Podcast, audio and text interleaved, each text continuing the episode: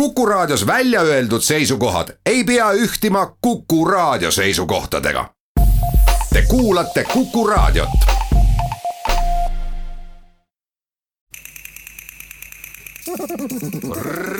reisirada. kõik teed Euroopas viivad Tallinnasse nii kirjutab Visit Estonia, sest Tallinnas on nii-öelda Skandinaavia, Kesk- ja Ida-Euroopa kohtumispaik tere, Kuku raadio kuulaja, siin Tea Karin. tervitan teid saatesse Reisirada, kus vaatame täna Tallinna. igal aastal leiavad miljonid turistid tee Tallinna vanalinna. Neid on aastas kümme korda rohkem kui elanikke. seega on mahukas koguteos Tallinna ajaloo kohta suureks abiks ka Tallinna giididele see on korralik alusmaterjal, kust leiab vastuseid nii üllatavatele kui spetsiifilistele küsimustele ning huvitavat materjali, millega saab ka ise üllatada neid külalisi, kes on korraliku eeltöö teinud ja oskavad pärida. suur rõõm on sellest ka neil, kes selle suure töö ära tegid. no rõõm on ikka see, et nad kõik on valmis ja öö ja et nad said kõik ühel aastal valmis, see on viimasel ajal Eestis üsna haruldane, et niisugused koguteosed ilmuvadki plaanitud ajal, sest et palju näiteid on sellest, kuidas kõigepealt ilmub teine köide ja alles siis tuleb esimene ja nii edasi ja nii edasi, aga meil õnnestus tõesti väga, see väga hästi, et meil kõik on ilmunud kahe tuhande üheksateistkümnendal aastal, nii nagu kavas oli. ja tagantjärele isegi imestame selle üle natukene nii rääkis Lea Kõiv, ametlikult Tallinna Linnaarhiivi juhataja asetäitja. sellel päeval, kui meie ees olid kõik neli uut Tallinna ajalooraamatut. vaatame Reisirada saates kogu teose telgitagustesse, kuidas on valminud selline mahukas töö möödunud sajanditest Tallinnas. nüüd on meie ees neli sinakat köidet, hulgaliselt illustreeritud fotode ja piltidega lihtne nii suure köite kokkupanemine ei ole, ütleb Lea Kõiv. No kõige keerulisem on ikka nende erinevate kaastööde ühtlaseks tekstiks kokku liitmine sest autoreid on väga palju, nagu Küll-Arjakas esitlusel ütles, autoreid on kokku kuuskümmend seitse, lisaks veel seitse äh, autorit, kes kirjutasid väikseid äh, tekstikaste, nii et võite ette kujutada siis, äh, et nad kõik on ju erineva stiiliga, erineva käekirjaga, erinevate lähenemisnurkadega ja see on sisutoimetaja ja peatoimetaja poolt olnud üks väga suur ja raske töö meie aga vaatame kõigepealt otsa kahele esimesele köitele koos Külla-Arjakasega, Tallinna Linnaarhiivi direktoriga, kui oli pidulik esimeste köidete esitlus Tallinna Raekojas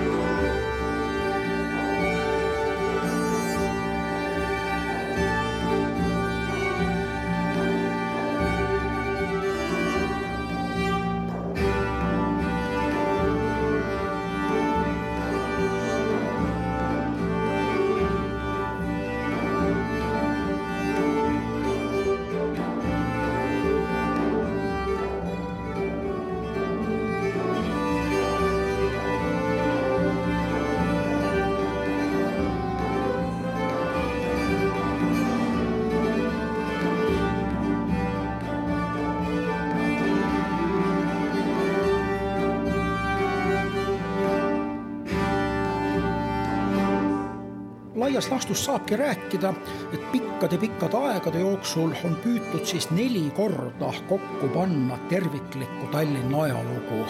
Neist esimene oli veel Tsaari-Venemaa aegadel, teine Eesti Vabariigi tuhande üheksasaja kolmekümnendatel aastatel, aga see kogu teos trükist ei ilmunudki, miks nii, sellest hiljem. kolmas oli siis kaheköiteline Tallinna ajalugu, mis ilmus Eesti NSV ajal tuhat üheksasada kuuskümmend üheksa ja tuhat üheksasada seitsekümmend viis ja see on siis nii-öelda neljas kord nüüd juba siis taastatud Eesti Vabariigi ajal panna kokku Tallinna ajalugu. ja kindlasti peaks ära märkima, et Tallinn on ka esimene Eesti linn, kus nii-öelda viimasel kolmekümnel aastal, kus siis nii-öelda oma riikluse taastamise järel on ette võetud ikkagi sedavõrd suur, keeruline ja mahukas töö. Läheme nüüd veel kaugemasse minevikku, aega, mil avaldati esimene põhjalikum ülevaade Tallinna kohta kui nüüd vaadata möödanikku, siis esimene põhjalikum Tallinna ajaloo käsitlus ilmus aastal tuhat kaheksasada üheksakümmend kuus ja seal oli põhirõhk osalt Tallinna poliitilisele ajaloole ja teiseks veel kunstiajaloole. selle raamatu autorid ei olnud mitte professionaalsed ajaloolased, sest üheksateistkümnenda sajandi lõpul ju ja kutselisi ajaloolasi oli veel väga vähe, vaid selle raamatu panid kokku siis jurist Eugen von Notbeck ja Riia arhitekt ja kunstiajaloolane Wilhelm Neumann. raamat ilmus kahes köites, päris mitu annet ja nagu öeldud, et põhirõhk oli seal poliitilisel ajaloole ja keskaegse ja varauusaegse kunsti tutvustamine, samuti ka arhitektuuri tutvustamine ja sellised kunstiajaloolised osad siis kirjutas peamiselt äh, Wilhelm Neumann, aga ajaloolise osa von Notbeck. ja juhtus nii, et von Notbeck ka selle raamatu väljaandmise ajal suri ja nii kirjutas siis sellise Vene võimu, tsaarivõimu perioodi üsna lühikese peatüki siis küll juba jah, ajaloolase ja arhivaari haridusega Aksel von Kernet. kui see raamat lühidalt kokku võtta, see on Balti-Saksa teos, see on Balti-Saksa monument Balti-Saksa aegsele Tallinnale. selle ajalooline osa jaguneb ikkagi valitsejate, valitsejate järgi ja, ja üsna tugev on ka selline arhitektuuriline osa, seda enam, et üks osa on ka hävinenud ju üheksateistkümnenda sajandi lõpu Tallinnast, sest kahekümnes sajand on kaasa toonud mitmeid ajalootorme tormakad arengud ajaloos tõid selgelt välja ka kahe linna konkurentsi Tallinna ja Tartu vahel.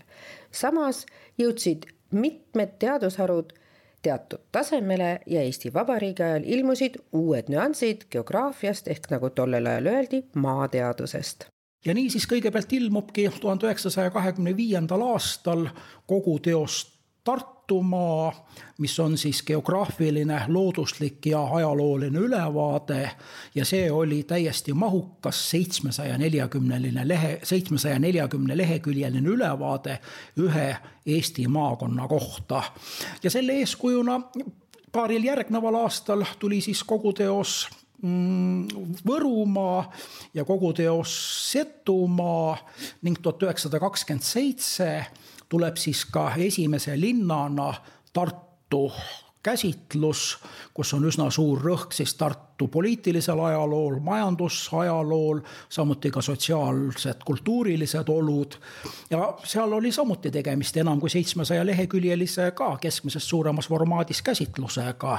ja pole vähimatki kahtlust, et kui Tartu sai valmis sellise korraliku kapitaalse Tartu ajaloo, siis see oli ühelt poolelt otsust oluline eeskuju Tallinnale ja teiselt poolelt ka kindlasti selline innustav ja, ja võib-olla ka selline hea konkurentsi mõttes, sest Tallinn ja Tartu on ju alati konkureerinud läbi aegade tuhande üheksasaja kolmekümne teisel aastal otsustatigi alustada Tallinnas kogu teose Tallinna ajalugu koostamisega.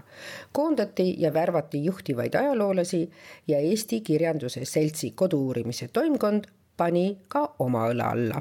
Tallinna ajaloo kogu teose üldtoimetajaks nimetati siis linna statistikabüroo juhataja Vladimir Smetanin, aga tal oli rohkem selline administratiivne roll, sest ajaloo osa toimetajaks sai Hans Kruus, autoriteks Paul Johansen, Juhan Vasar, Otto Liiv, Rudolf Kenkmaa, tegemist on ikkagi tookordset Eesti ajalooteaduse kõige kandvamate jõududega.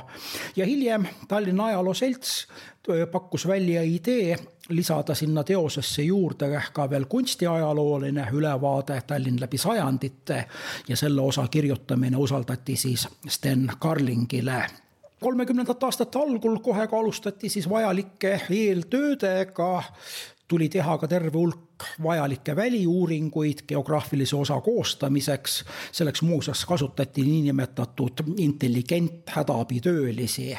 Need siis olid need haritlased, kes selle suure majanduskriisi ajal olid jäänud töötuks ja see oli siis nagu selline riik, tänases mõistes riiklik meede, et töötutele haritlastele väikene tööots anda ja nende välitööde tulemuste põhjal siis kirjutasid kokkuvõtliku ülevaate Tallinna geograafilistest oludest, samuti oma valdkonna valdkonna väga tuntud spetsialistid August Tammekann ja Edgar Kant. nagu põhjalike koguteoste puhul tavaks, tööd võtavad rohkem aega, kui kavandati ja kõik jääb venima. hakkavad vahetuma toimetajad ja siiski kolmekümnendate aastate lõpul sai käsikiri valmis ja oodati kahe köite väljaandmist paraku üsna pea tuleb suvi tuhat üheksasada nelikümmend oma kõikide üldteada tagajärgedega ja oktoobris tuhat üheksasada nelikümmend siis leitakse, et poliitilised olud on muutunud. nüüd tuleb autoritel teatud osad uuesti ja põhjalikult ümber kirjutada ja leping trükikojaga lõpetati.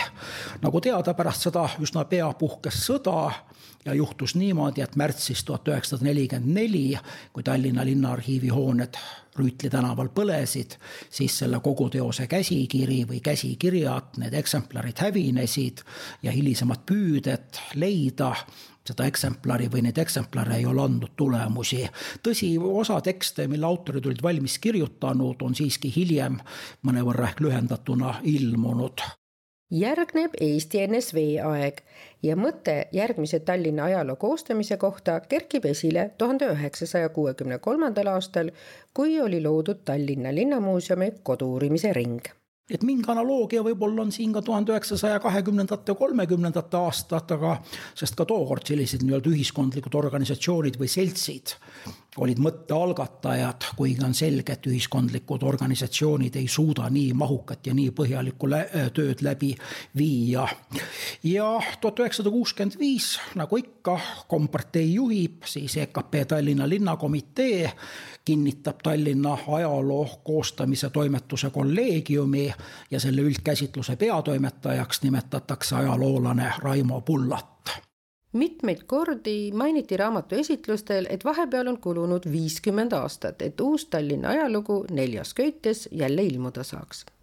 eelmine toona kaheköiteline akadeemiline üldkäsitlus Tallinna ajaloo kohta ilmus Nõukogude Eestis mõlemad heleda ümbrisega raamatud olid väljas ka uute köidete esitlusel ja eks nii mõnelgi ole nad ka kodus riiulil.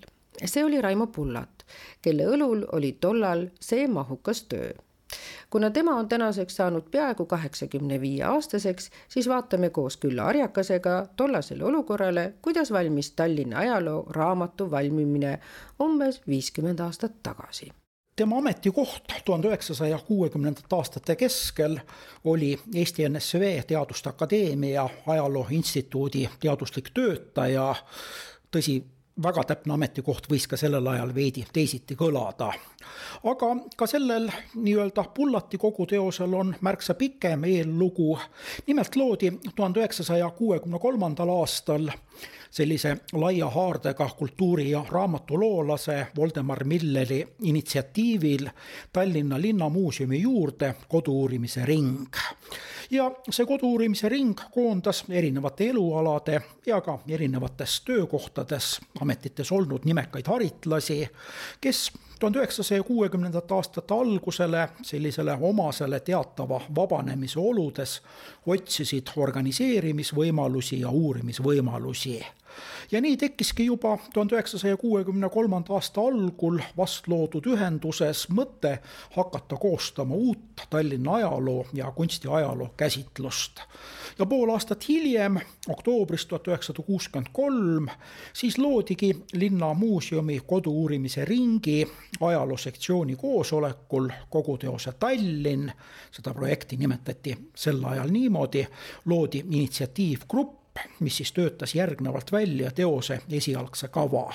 ja kodu-uurimise ringi juhatus soovitaski raamatu koostajaks kutsuda Raimo Pullati, kes sel ajal valmistus kaitsma oma kandidaadikraadi noh, samas sai ka selgeks, et ühiskondlik ühendus nii suurt ettevõtmist välja ei vea ja pealegi Eesti NSV tingimustes oli ühiskondlikel organisatsioonidel väga raske kirjastada oma uurimusi. ja nii läks selle kogu teose koostamine teisele tasemele ajajärgule omaselt moodustas EKP Tallinna linnakomitee aprillis tuhat üheksasada kuuskümmend viis kümneliikmelise kolleegiumi, mille esimeheks määrati Tallinna täitevkomitee esimees Johannes Undusk ja tema esimeseks asetäitjaks linnakomitee sekretär. siinkohal peaksin lisama, et linnakomitee sekretär tähendas sel ajal ideoloogia sekretäri, kes oli tähtsuselt linnakomitee esimehe ja tema asetäitja järel mõjukuselt kolmas mees. aga siiski mm, kogu teose kolleegiumi liikmete seast leiame sellised olulised nimed nagu Voldemar Miller, arhivaar Rudolf Kenkmaa, kunstiteadlane Villem Raam, majandusajaloolane Otto Karma ja muidugi ka Raimo Pullat, kelle õlule jäigi järgnevalt kahe köite koostamine igal juhul leping kirjastusega Eesti Raamat sõlmiti juba mais tuhat üheksasada kuuskümmend viis ja järgnevalt algas käsikirja koostamine, viimistlemine ja toimetamine. omapärane on tõik ehk et kõigepealt ehk aastal tuhat üheksasada kuuskümmend üheksa siis ilmus sisuliselt kogu teose teine osa ehk Tallinna ajalugu üheksateistkümnenda sajandi kuuekümnendate aastate algusest kuni aastani tuhat üheksasada kuuskümmend viis.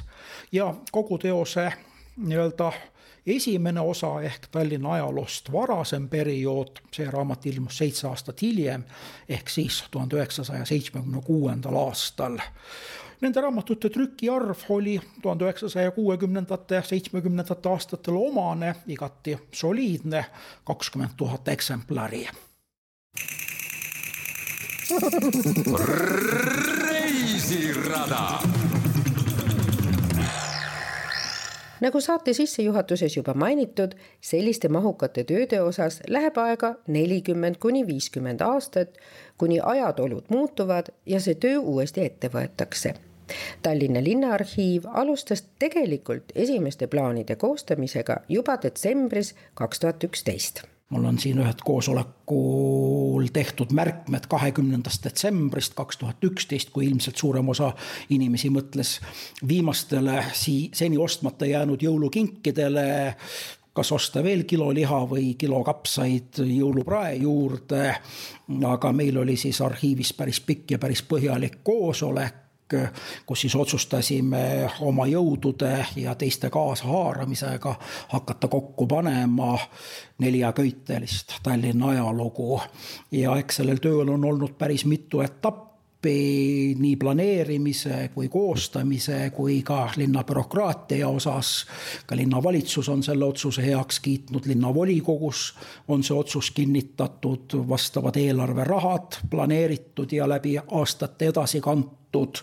algne mõte oli kahe tuhande üheksateistkümnendal aastal selle käsitlusega valmis saada, aga kuivõrd ka nüüd kolme köite asemel tuleb neli köidet ja kui me nüüd jõuame järgneva kahe köitega järgmisel aastal valmis, siis me oleme kindlasti väga heas tempos, sest vähemalt erialainimesed teavad, et sellised akadeemilised koguteosed ilmuvad ikkagi äärmiselt vaevaliselt, äärmiselt raskelt. Eesti kunstiajaloost on küll teine, kolmas, neljas ja veel mõni uuem köide ilmunud, aga näiteks esimest köidet pole siiamaani. ja sama on ka Eesti ajaloo üldkäsitluse uuema versiooni osas, kus ka esimene köide on jäänud ilmumata kui need kaks köidet nüüd lühidalt kokku võtta, siis tegemist on perioodide kaupa süstemaatilise ülevaatega, kus on käsitletud linna õigusi, valitsemise korda, rahvastikku, poliitilisi sündmusi, käsitööd ja kaubandust ning kiriku ja kultuurielu. ning ta räägib ka Tallinna muinasaegsest nimest. ja võib-olla erinevalt ka mõnedest varasematest üldkäsitlustest, sellise akadeemilise osa kõrval on meil ka mõningad vahelugemised, mis siis puudutavad selliseid huvitavamaid seiku kokku Tallinna ajaloo kohta, mis tihtipeale võib-olla üldkäsitlusest jäävad kõrvale või on markeeritud vaid ühe või kahe lausega aga noh, mõeldes ka eeskätt tänasele lugejale, oleme püüdnud siis selliste eraldi vahelugemistega välja tuua siis Tallinna erinevat elu läbi, läbi, läbi sajandite.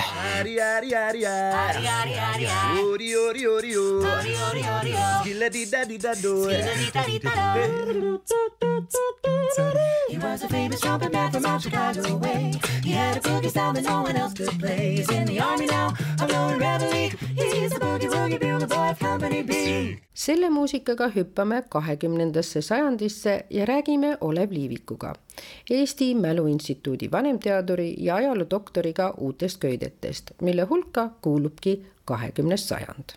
kahekümnes sajand hõlmab siis viimaseid tsaariaja aastaid ehk siis tuhat üheksasada kuni tuhat üheksasada seitseteist, mis veel on äh, kolmanda köitematerjal ja Eesti Vabariik, okupatsiooniajad ja tänane Eesti Vabariik on siis neljanda köite ja ilmselt siis ka kõige keerulisema köite hulgas, sellepärast et kahekümnes sajand on kõige vähem läbi uuritud seal on väga suuri poliitilisi muudatusi ja, ja hoida seda mahtu, mis Tallinna ajaloole oli ette nähtud, oli üsna keeruline. sellepärast, et, et see sõjaeelne Eesti Vabariik, okupatsioonide ajad ja eriti siis tänane Eesti Vabariik, nad on äh, suhteliselt keerulised üksteisega võrrelda, et, et lugejale seda arusaadavalt edasi anda oli üsna raske ja loomulikult ka see autorite valik. Et leida autorit, kes nendest kolmest perioodist väga briljantselt oskaks kirjutada, on praktiliselt võimatu, et igaüks on ikkagi oma, väga kitsalt oma perioodiga seotud. ja, ja muidugi, eh, mis on kõige suurem väljakutse, see isegi nõukogude aeg, ta ei ole veel nii paljudes probleemides veel nii hästi settinud, et teda teda teaduslikult läbi uurida. põhjus on ka võib-olla selles, et seda perioodi on suhteliselt vähe uuritud ka eh, kogu Eesti mõistes, et üsna hästi on vaadeldud seda repressiivset Stalini perioodi, mida on siis üsna, üsna eh, palju poliitilise ajaloo kontekstis, eriti mis puudutab tõesti repressioone ja Eesti NSV valitsemist vaadeldud. aga see, mis on Stalini järel juhtunud, et seda praktiliselt Eestis äh, käsitletud ei ole, välja arvatud siis mõned aspektid, mis puudutavad kunsti, võib-olla kirjandust. ja Tallinna ajaloos oli tõeliselt suur väljakutse, et kuidas kirjutada perioodist, mida siis me mille siis ka seda Eesti tasandit me väga hästi ei tunne ja, ja muidugi ka NSV Liidu tasandi paljusid aspekte. et see oli kindlasti üks, üks selline keeruline ülesanne. Teine ja võib-olla isegi ootamatu paljudele inimestele kuulda on see, et meie sõjaeelne Eesti Vabariik on praktiliselt läbi uurimata. et siin-seal on kirjutatud mingisugustest valimistest võib-olla vabadussõjalastest, kommunistlikust putšist, aga tegelikult seda kahtekümmend aastat, mis tegelikult siin Eesti Vabariigi ühiskonnas toimus, nii räägime ka siin eh, sotsiaalsestest murrangulistest muutustest, ka hariduselu, eh, eriti mis puudutab, puudutab ka siis eh, elanikkonna toimetulekut. et see on väga vähe käsitletud ja, ja see oli, kuidas Tallinna ajaloos vaadata neid protsesse, see oli ka suhteliselt suur väljakutse. et õnneks me leidsime ühe noore motiveeritud autori, Mart, Mark Kortfelder, kes selle probleemi suhteliselt hästi lahendas, aga see ei tähenda, et, et seda peaks Eesti tasandil veel uurima ja kindlasti, kui see on Eesti Vabariigi selline üldine tasand on uuritud, siis kindlasti tuleks vaadata seda ka veel linnaajaloo seisukohalt, sellepärast et kuidas linn ja riik omavahel läbi said, kuidas need teatud sellised kompetentsi küsimused olid, kuidas lahendati teatud probleeme, mis tekkisid Tallinna ja riigi vahel. Need küsimused jäid siiski mõned, mõnes osas lahendamata, sellepärast et meil ei ole teada seda riigi pool, poolset käitumist ja, ja, ja, ja ütleme, suhtumist Tallinnasse. et laias laastus me võime öelda, et need probleemid, vaidluspunktid, mis täna siin veel võib-olla veel viis, kümme aastat tagasi Tallinna ja riigi vahel esinesid, mis olid igapäevased sellised konfliktid, olid ka sellel ajal olemas, et neid ei olnud kuskil, kuskil olemata, et, et need olid igapäevased, neid probleeme oli palju linna ja riigi vahel ja nende selline uurimine on kindlasti ka, sellega on võimalik palju edasi minna, aga, aga meie siis noor väga-väga ütleksime, motiveeritud autor ikkagi teatud probleemid tõi seal esile, et meil on, meil on teatud ettekujutus olemas, et need suhted ei olnud pilvitud ühe sellise suure kompendiumi koostamine toob, nagu aru saan, kaasa ka selle, et avastusi selle juures on veel nii mõndagi. on, on ja, ja juba kui läheneda sellisele kogu teosele ühe, ühe regiooni, linna, riigi seisukohalt, siis on muidugi alati see küsi-, selline väljakutse ja nende koostajatele, et millised valdkonnad on juba varasemate selliste põhjalike uuringutega kaetud, millised mitte. ja loomulikult, et mida saab üldse sellises kompendiumis üldse käsitleda. et Tallinna ajaloos oli see ju ilmselt kõikide nelja, nel-, nelja köite puhul väga relevantne, aga eriti siis kolmanda ja neljanda puhul, kus ilmselgelt on, on teemasid, mida, mida on vähem käsitletud ja mille puhul meil on üsna keeruline autoreid leida. ühine lähenemisliin oli siiski olemas. kindlasti pidime me vaatama kõikides köidetes või kõikide perioodide juures esiteks sellise poliitilise elu muutusi, protsesse teine väga oluline valdkond oli loomulikult majanduselu, mis õnneks, mis puudutab ka näiteks siis tsaariaja lõppu, üheksateistkümnenda sajandi lõppu ja kahekümnenda sajandi, eriti siis vabariigi perioodi on üsna hästi uuritud. ja, ja kindlasti kolmas oluline selline eh, valdkond või teemade ring oli seotud kultuuriga, mis, mis õnneks on ka üsna hästi kaetud ja, ja kui ka mõni, mõni valdkond on seal sees natuke nõrgem, siis tegelikult lugeja võib-olla sellest isegi aru ei saa, sellepärast et Eesti kultuurielu juba üheksateistkümnenda sajandi lõpus, kahekümnenda sajandi jooksul on olnud ikkagi nii elav ja mitmekesine, et kui ka mõni näiteks teatrielu mingid nüansid jäävad nagu natukene vähem käsitlemise, selleks on vähem võimalusi, siis seda kompenseerib juba näiteks kirjastustegevus või, või midagi muud, mis on, mis on nendes köidetes ka väga põhjalikult läbi uuritud, sellepärast et meil oli leida autoreid, kes on selle valdkonnaga tegelenud või muusikaelu. et, et see on, on selliste suurtööde koostöö väga oluline, et me teame me autoreid, me teame, mis on, mis on, mis on uuritud ja muidugi, mis ma toon välja võib-olla võrreldes varasemate uurimistöödega, näiteks on selles eh, käsitluses väga põhjalikult kuni alates siis juba keskajast kuni tegelikult siis tänapäevani välja üsna hästi on vaadatud kirikuelu. et see on üsna ühtlaselt hästi, hästi esindatud ka siis nõukogude aja selline kirikuelu küsimused, mis oli siis tõesti, kus oli siis kirik see ju mitteametlik, et mis ei kuulunud tegelikult ju riigi eh, organismi juurde, aga mis kogu aeg eksisteeris ka, siin puudutab Eesti Vabariiki, et tsaariaja lõppu. ja mis oli üsna keeruline eh, vaadelda ja mis kindlasti nõuab ka võib-olla siis järgmisel Tallinna ajaloo koostajal kolmekümne, neljakümne aasta pärast suuremat tähelepanu, on tervishoid üheksateistkümnenda sajandi lõpus, kahekümnenda sajandi jooksul ning kõik, mis puudutab igasuguseid sotsiaalkindlustusi, sotsiaaltoetusi, kogu see pool, et kindlasti jäi see paraku selles köites nõrgemaks selle suure töö juures võib kokkuvõtlikult öelda, et rõõm on mõnedel hetkedel siiski suurem. Aga mille üle mul tohutult hea meel on, väga põhjalikult sai vaadata Tallinna visuaal, visuaalia muutust, see puudutab peamiselt siis arhitektuuri. ja, ja see osa on väga eeskujulikult käsitletud ja muidugi selle raamatu lugejatele on, on see üsna oluline, et kogu see, mis, mis ikkagi eh, inimest siis igapäevaselt mõjutab, ikkagi Tallinna keskkond on seal väga huvitavalt ja hästi käsitletud, mis puudutab nii üheksateistkümnenda sajandi teist poolt, kahekümnendat sajandit, eh, Eesti Vabariigi aega, sõda, sõja, isegi sõjaperioodi, Nõukogude perioodi, kuni tänapäevani välja, et see on kindlasti selle eh, kahe viimase köite üks tugevamaid osasid. Raamatuid kätte võttes ei hakka sugugi igav, aga hirmu meie tänapäeva aegamööda lugemisest ehk veidi võõrdunud huvilised suure infokogumi ees ka tundma ei pea.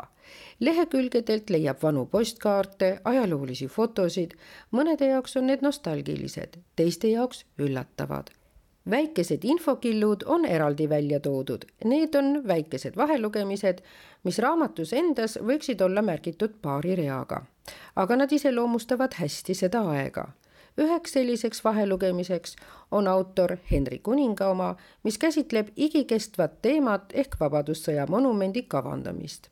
Ka üheksateistkümnenda sajandi kahekümnendatel, kolmekümnendatel aastatel küttis selle rajamine paljude inimese meeli selle eellugu algab Peeter Esimese ausamba mahavõtmisega tuhande üheksasaja kahekümne teisel aastal ja järgnevalt siis Eesti Vabadussõja mälestamise komitee teeb otsuse rajada Vabadussõja ausammas kahe aasta jooksul ehk tuhande üheksasaja kahekümne neljanda aasta kahekümne neljandaks veebruariks.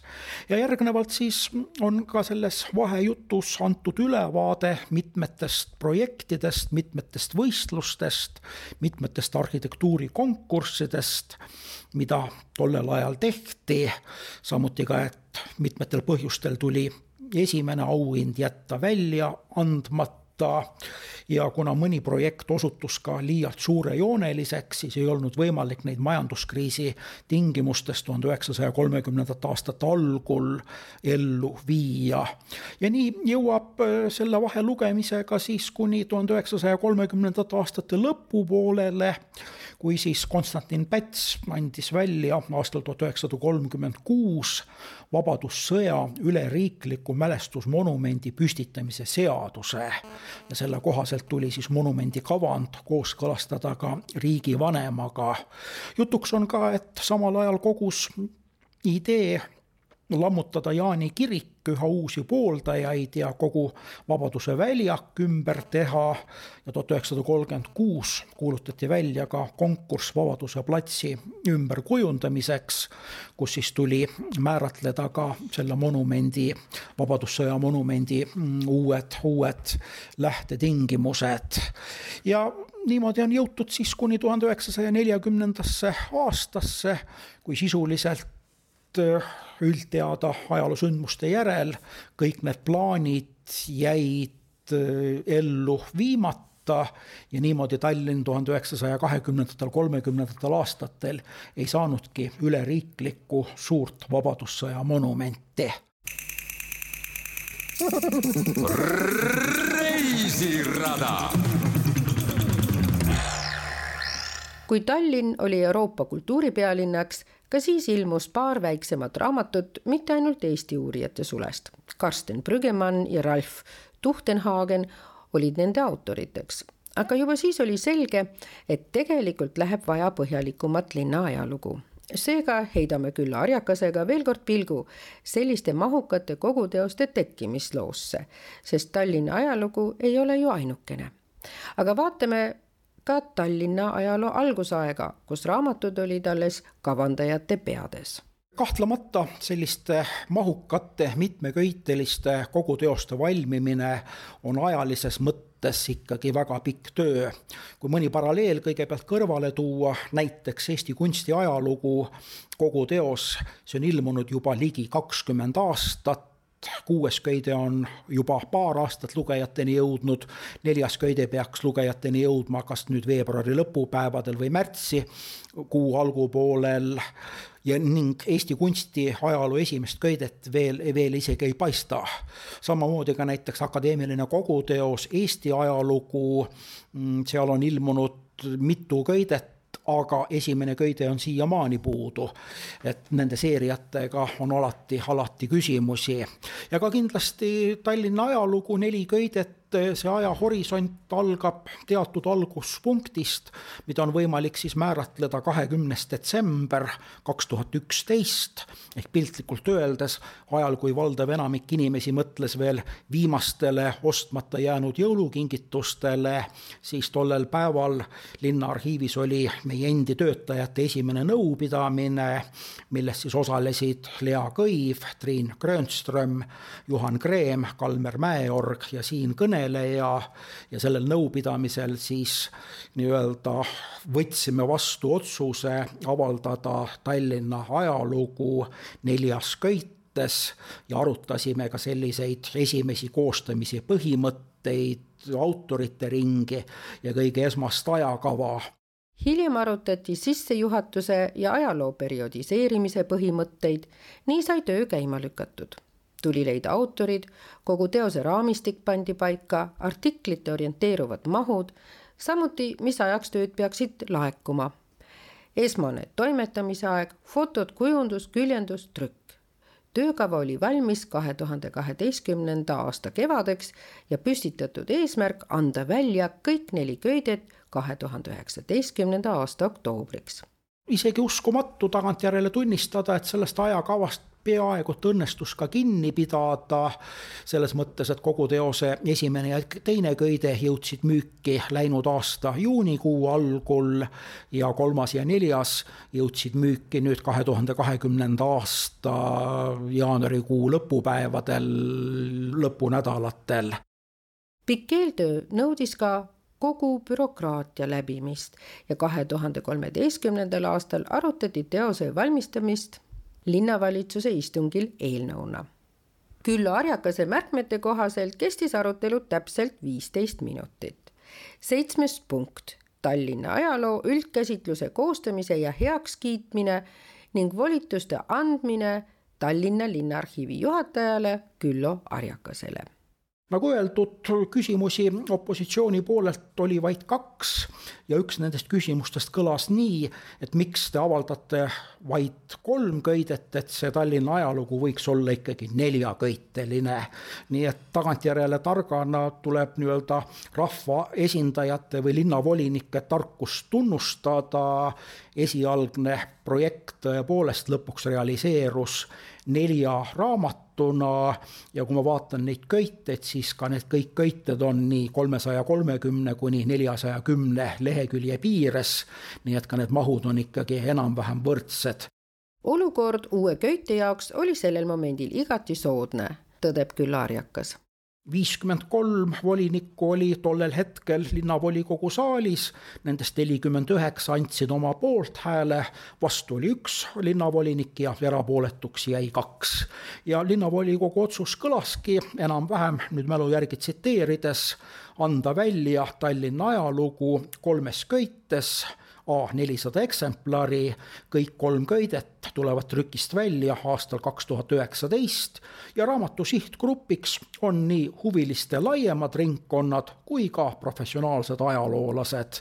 nii et ma julgeks öelda, et linnavolikogu otsus on peaaegu et kuhjaga täidetud, kõik raamatud on trükist väljas ja, ja kolme köite asemel, nagu öeldud, isegi neli ja kindlasti tegemist on raamatuga, mis pakub huvi professionaalsetele ajaloolastele kui ka laiematele ajaloohuvilistele ringkondadele, sest kahtlemata selline koguteos on ikkagi üks alusmaterjale, mis tahes tööd linna ajaloost, mõnest kitsamast valdkonnast hakatakse kirjutama, koostama või uurima, siis kindlasti see on üks esimesi raamatuid, mis riiulist välja võetakse ja vaadatakse, aga milline on kogu teose lähenemine, sest noh, tõepoolest, ega kogu teose koostamisse on ju haaratud ikkagi vastava valdkonna kõige paremad jõud, kõige tuntumad ja, ja, ja nimekamad ajaloolased, olgu nad siis töökohtadena Tallinna Linnaarhiiv, Tartu Ülikool, Tallinna Ülikool,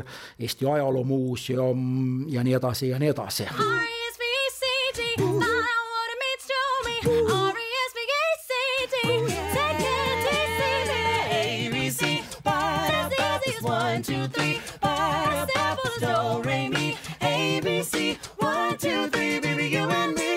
kogu teose Neli köidet on trükikojast tänaseks välja tulnud ja müügil üle Eesti. küllap on tavalugeja kõrval ka ajaloolaste ringkonnal aega olnud sellega tutvuda.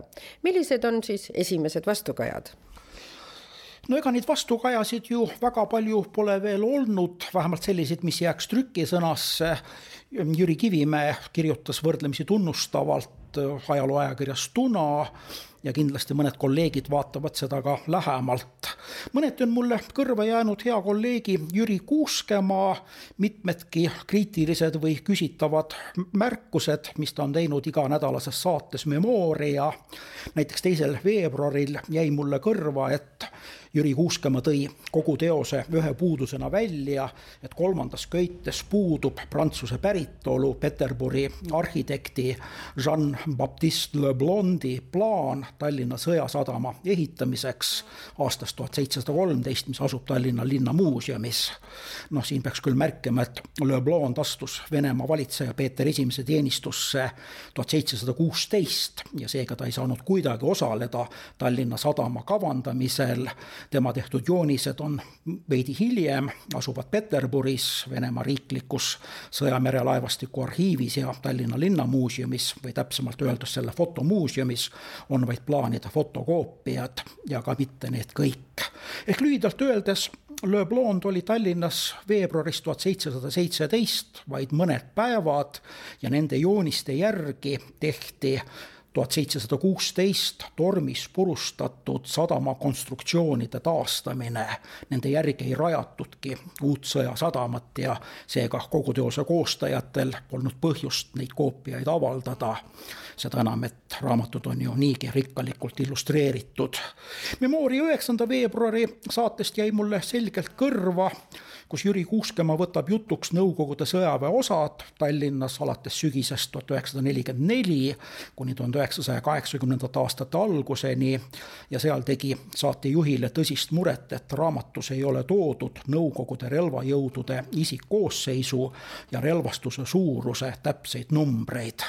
noh, on selge, et kõik Eesti NSV ajal elanud inimesed teavad, et Nõukogude relvajõudude isikkoosseisu ja relvastuse andmed, need olid ju Eesti NSV ajal täiesti salastatud ja samuti need numbrid olid ka ajas pidevalt muutuvad, olenevalt, kuidas väeosade koosseis muutus või kuidas midagi juurde toodi või ära siit viidi ja selle tõttu täpseid andmeid isikkoosseisu ja relvastuse kohta on täiesti võimatu anda.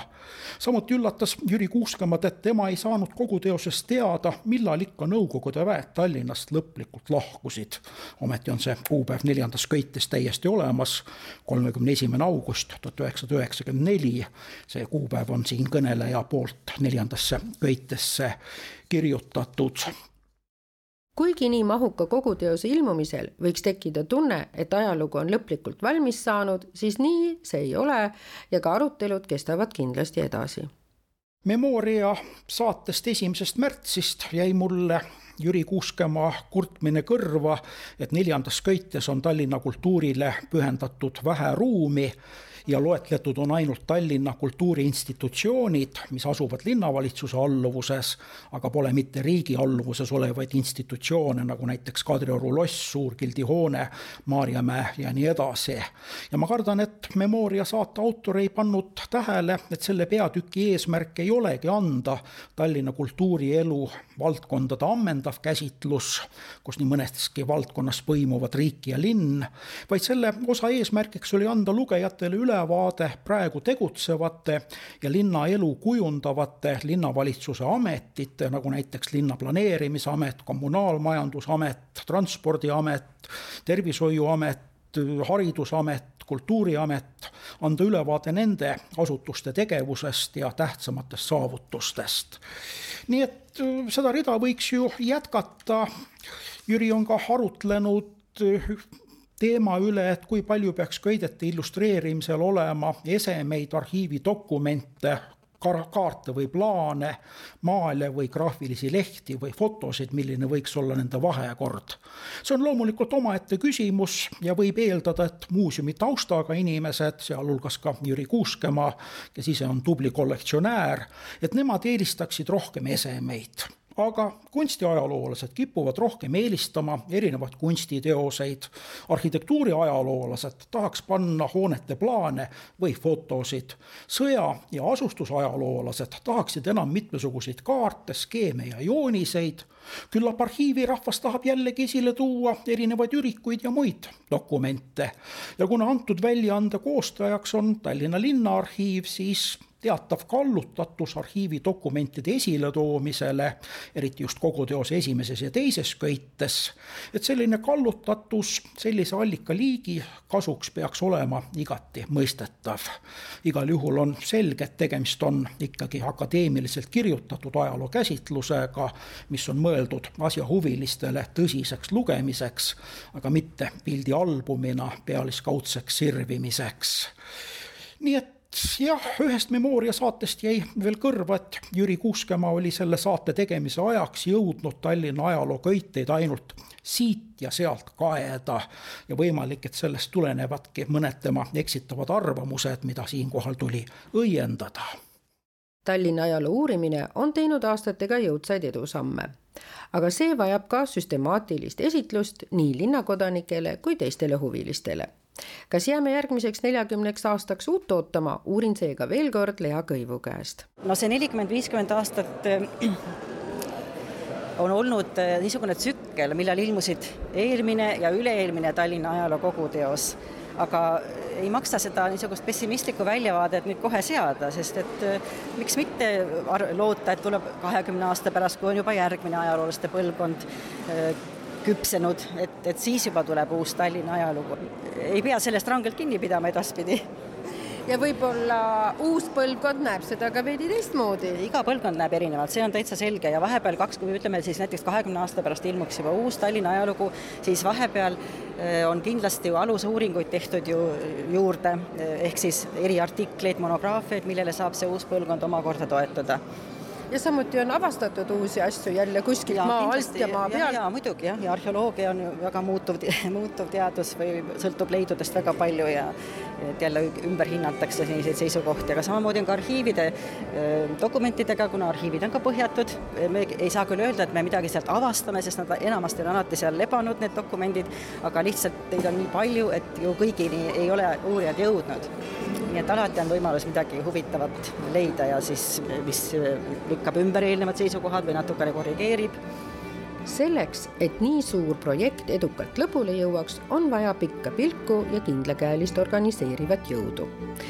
Tallinna linn on selles mõttes õnnelikus olukorras, et tema rahvusvaheliselt kuulus arhiiv on arvestatav uurimiskeskus, mis selle rolli auga välja kandis. lisaks arhiivi teaduritele on kirjutamisel kaasa löönud kümned ja kümned teadlased üle Eesti et kõigest aga tervik kujuneks, selleks tuli palju vaeva näha, nagu mainis juba ka Lea Kõiv. eriti suure tänu osaliseks said seetõttu Linnaarhiivi teadur Tiina Kala ja toimetaja Toomas Tamla. Tallinna linn ise, rahastades selle teose valmimist, on sellega omal viisil panustanud ka teadusesse ning tollane linnapea Taavi Aas, kelle saatesõna on ka teose esimeses köites, meenutas Kalevipoega, kes teadis, et ülemaks kui hõbevara, kallimaks kui kullakoormad, tuleb tarkust tunnistada. ja selle raamatuga on loodud väärtus, mis on hindamatu. mina aga uurin lõpetuseks veel ühte asja. ja millised on olnud tänaseks eh, kogu köite müügitulemused? no julgen öelda, et müügitulemustega võib jääda igati rahule alati on väga raske otsustada, milline võiks olla tiraaž ja me valmist- ja trükikojas valmistati neid raamatuid kokku neli tuhat ehk igast köitest tuhat eksemplari ja poole aastaga ehk eelmise aasta juunikuu algusest kuni selle aasta jaanuari alguseni sisuliselt esimene köide on läbi müüdud ja praeguseks on tellitud juurde juba uus trükk, mis on jõudnud kauplustesse. ja ka teist eksemplari on müügil võib-olla praegult sadakond eksemplari ja lähinädalatel Tallinna Linnaarhiiv tellib ka teisele köitele lisatiraaži. eks jälgime, kuidas siis kolmanda ja neljanda köite müük läheb, need jõudsid müüki jaanuari alguspäevadel.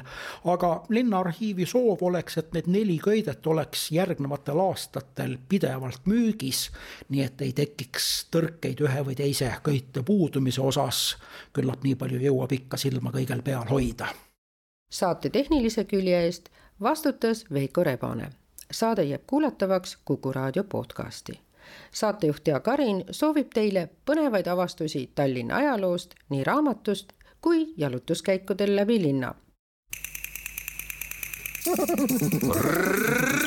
reisirada